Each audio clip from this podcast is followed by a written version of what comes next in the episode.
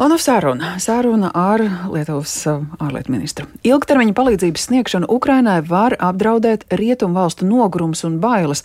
Lūk, to intervijā Latvijas radio norādīja Lietuvas ārlietu ministrs Gabriels Landsbergis, kurš Latvijā ieradās uz Baltijas un Ziemeļvalstu ārlietu ministru tikšanos. Ministrs skaidroja, ka sabiedrotajiem nevis vienkārši jāatbalsta Ukraina, bet gan jāplāno Ukrainas uzvara, mērķtiecīgi strādājot pie konkrētiem soļiem. Tāpat Landsbergis norādīja, ka arī pēc Wagner grupējuma līdera Jevgeņija Prigožina nāves jāturpina būt modriem attiecībā uz provokācijām no Baltkrievijas teritorijas. Ar ministru sarunājās kolēģis Rihards Plūme. Runājot par situāciju uz Lietuvas un Baltkrievijas robežas, Lietuvas aizsardzības ministrs ir izteicies, ka vagneriešu skaits samazinās.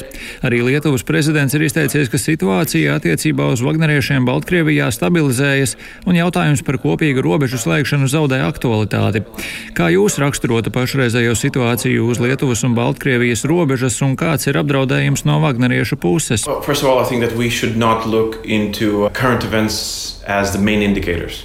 We have to admit that Belarus and uh, Russia. Pirmkārt, jāsaka, ka mums nevajadzētu skatīties uz pašreizējiem notikumiem kā galvenajiem indikatoriem. Mums jāatzīst, ka Baltkrievija un Krievija abi ir bīstami un neparedzami kaimiņi. Tātad var notikt lietas bez jebkāda brīdinājuma, un mums tam ir jābūt gataviem. Wagner pats par sevi un tas, ka tas parādījās Baltkrievijā, ir ļoti spēcīgs indikators tam, ka ir iespējama nestabilitāte un provokācijas valstīs, kurām ir robeža ar Baltkrieviju. Bet pašreiz mums nav indikācija, ka tas jau notiktu, bet tas nenozīmē, ka nākotnē tas nevarētu notikt. Tas, ko mēs vēlētos panākt, ir reģionāla pieeja drošības draudiem, nacionālajai drošībai un indikātors, kas izmērītu draudus un reakciju, kas reaģētu uz šiem draudiem. Mēs vienojamies, ka mēs līdzīgā veidā ierobežojam tranzītu caur mūsu robežām, ka mēs nosakām, ka mēs varētu slēgt atsevišķas robežu čērsošanas vietas kopīgi, tātad, lai viss notiktu sinhroni valstīs, kam ir robeža ar Baltkrieviju un Krieviju. So that we would all be in synchronization. Uh, the countries that have borders with, with. Bet vai situācija ir mainījusies pēc Jevģēnija Prigožina nāves? Uh, look, I mean, Belarus is unstable, is unstable and will remain so. Baltkrievija nebija stabila, nav stabila un tāda arī paliks. Tātad es nepaļaujos uz politiskiem notikumiem vai viņa lidmašīnas notriekšanu ar viņu uz klāja, kā uz tiešām izmaiņām situācijā. Tātad politiski runājot, mums jābūt modriem un gataviem dažādiem izaicinājumiem. And prepared for many eventualities. Uh, Turpinot par Ukrainu, kāds noskaņojums šobrīd valda rietumos saistībā ar atbalstu Ukrainai? Vai starp jūsu ārvalstu kolēģiem sastopat arī tādus, kuru motivācija atbalstīt Ukrainu sāk zust, vai sāk zust cerība, ka Ukraina šo karu var uzvarēt? We've, we've reading, you know, and I'm sure that it, it has Mēs lasām un domājam, ka daudzas šīs ziņas ir sasniegušas, ka daži mūsu sabiedrotie anonīmi izsaka neapmierinātību ar Ukrainas pretuzbrukuma ātrumu. Un tas rada trauksmi, jo tas norāda uz to, ka varbūt sāk parādīties nogurums, ka daži no sabiedrotajiem kļūst noguruši palīdzēt Ukrainai. Ja varbūt viņiem bija kāds kalendārs, kā Ukrainai vajadzētu virzīties uz priekšu. Bet es vienmēr saku, ja neesam Ukrainai iedevuši visu, un mēs vēl to neesam izdarījuši, diskusijas par F-16 tikai noslēdzās, un diskusija par atakāms vēl pat nav notikusi un noslēgusies.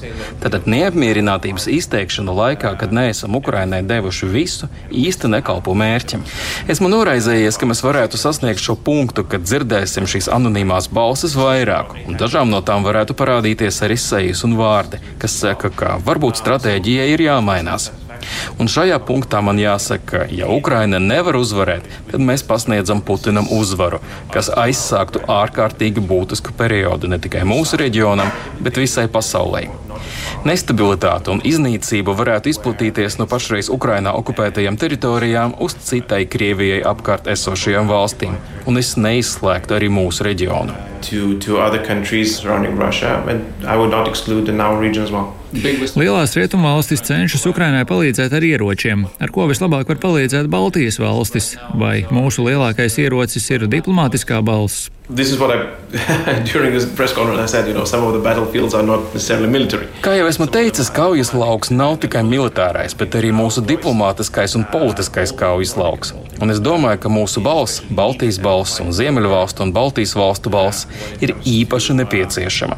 un tā tiek labi sadzirdēta, kad runa ir par atbalstu Ukrainai, noguruma efekta ierobežošanu un izskaidrojot, ko tas nozīmē, ja Krievija uzvarētu, un arī attiecībā uz atbildību, integrāciju Eiropas Savienībā un NATO. Visās šajās lietās iznākums nav noteikts. Mēs vēl diskutējam, un jau to darām sen. Piemēram, par to, kā un kad Ukraina pievienosies Eiropas Savienībai, un Viļņas samitā diskutējām par to, kā Ukraina pievienosies NATO. Un šie visi jautājumi var tikt uzskatīti par diplomātisko kaujas lauku, kurā mēs, diplomāti no Baltijas un Ziemeļvalstīm, ieņemam nostāju un aizsargājam savu pozīciju.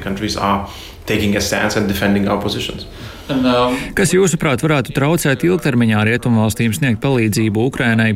Vai tie ir varbūt iekšpolitiski satricinājumi, ekonomiski satricinājumi, varbūt Krievija? Uh, so extension, that... Es nosauktu divus galvenos iemeslus. Viens ir nogurums, proti, ka ir brīdis, kad valsts domātu, ka kara apturēšana vai ļaušana Putinam uzvarēt nav tik bīstama. Tad tā ir nepareiza izpratne par situāciju vai kļūdīgs aprēķins par iznākumu. Un otrs ir bailes. Un tas var būt bailes no Putina neparedzamības, ja viņš zaudē karu. Abi iemesli mums, Latvijai, Lietuvai un arī citiem reģionā ir bīstami, jo tie nekalpo labam mērķim. Tie ierobežo mūsu kapacitāti atbalstīt Ukrainu, tie mūs palēlina, apstādina un mums jācīnās kā daudzreiz iepriekš ar bailēm un nepareizu izpratni, lai tiem neļautu pastāvēt. That, uh... Jūs vēl nesen izteicāties, ka Eiropas valstīm vajadzētu beigt teikt, ka tās atbalstīs Ukrainu tik ilgi, cik nepieciešams, un aizstāt šo frāzi ar to, ka atbalsts Ukrainai tiktu sniegts līdz tās uzvarai. Varbūt varat paskaidrot, ko jūs ar to domājat? Well, to, you know, to Um, no, if, if es cenšos ietekmēt narratīvu. Ja Ukraina neiegūtu ieročus, kas tai nepieciešami, ja tā nebūtu spējīga cīnīties tālāk, un ja daļa no sabiedrotajiem teiktu, redz, Ukraina nevar cīnīties tālāk, varbūt tas ir tas, kas bija nepieciešams, tā būtu katastrofa piekrist šādam uzskatam. Tādēļ ir jāmaina narratīvs. Mums jāapņemas panākt uzvara, mums jāplāno uzvara. Ja to plānojam, tad zinām, kas tai ir nepieciešams. Nevis vienkārši sūtīt to, kas mums krājumos ir palicis, bet plānot, plānot, kā to ražot, plānot, kā to nosūtīt, pārliecināties, ka Ukraina to saņem un ka tā zina, kā ar to rīkoties. Tomēr šī ir mentāla pārmaiņa. Varbūt tas ir pārāk stāvs kalns, bet es tomēr cenšos pierādīt, ka tas ir ļoti būtiski runāt par Ukrainas uzvaru. Nebaidīties šo vārdu lietot. Uzvara. Mūsu mēlei ir jāpierod pie šī vārda, un tad pierādīs arī mūsu prāts. Our, our tongue has to adapt to the word and then our minds will adapt as well. Um, Lietuva ir aicinājusi atvieglot Ukrainas graudu eksportu caur Baltijas ostām. Kā šis process virzās un kādi šobrīd ir galvenie šķēršļi, kas šo eksporta ceļu nodrošināšanai traucē? So, There are some technical issues with, with that uh, as well. So, as you, as you very well know, ir tehniskas dabas problēmas. Iepriekš mums bija savienojums ar Baltkrieviju. Viss, kas ietu no Ukrainas uz Baltiju, iet caur Baltkrieviju.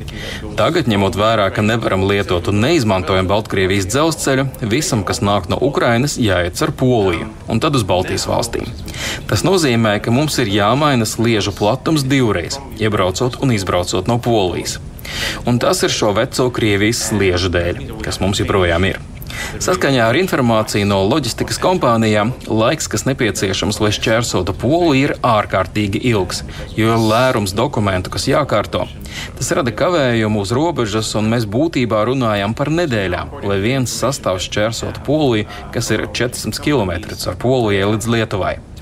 Kad tas jau ir Lietuvā, tas var izvēlēties, kur doties tālāk - uz Klaipēdu, Rīgu vai Tallinu. Baltijas valstis nav problēma. Mūsu mērķis ir panākt vienošanos ar kaimiņu, ar Poliju, lai procedūra būtu iespējama ātri un dokumenti, piemēram, tiktu pārbaudīti nevis uz Polijas robežas, bet ostā. Tas būtiski samazinātu šķērsošanas laiku. Mūsu aprēķina liecina, ka to panākot, reizē arī uzturot šo divreizējo sliežu platuma maiņu, mēs būtu spējīgi eksportēt miljonus tonu graudu no Ukrainas. Tas neatrisina Ukrainas problēmas, bet tas palīdz. Mēs šo esam piedāvājuši Polijai un Eiropas komisijai un ceram, ka tas izdosies.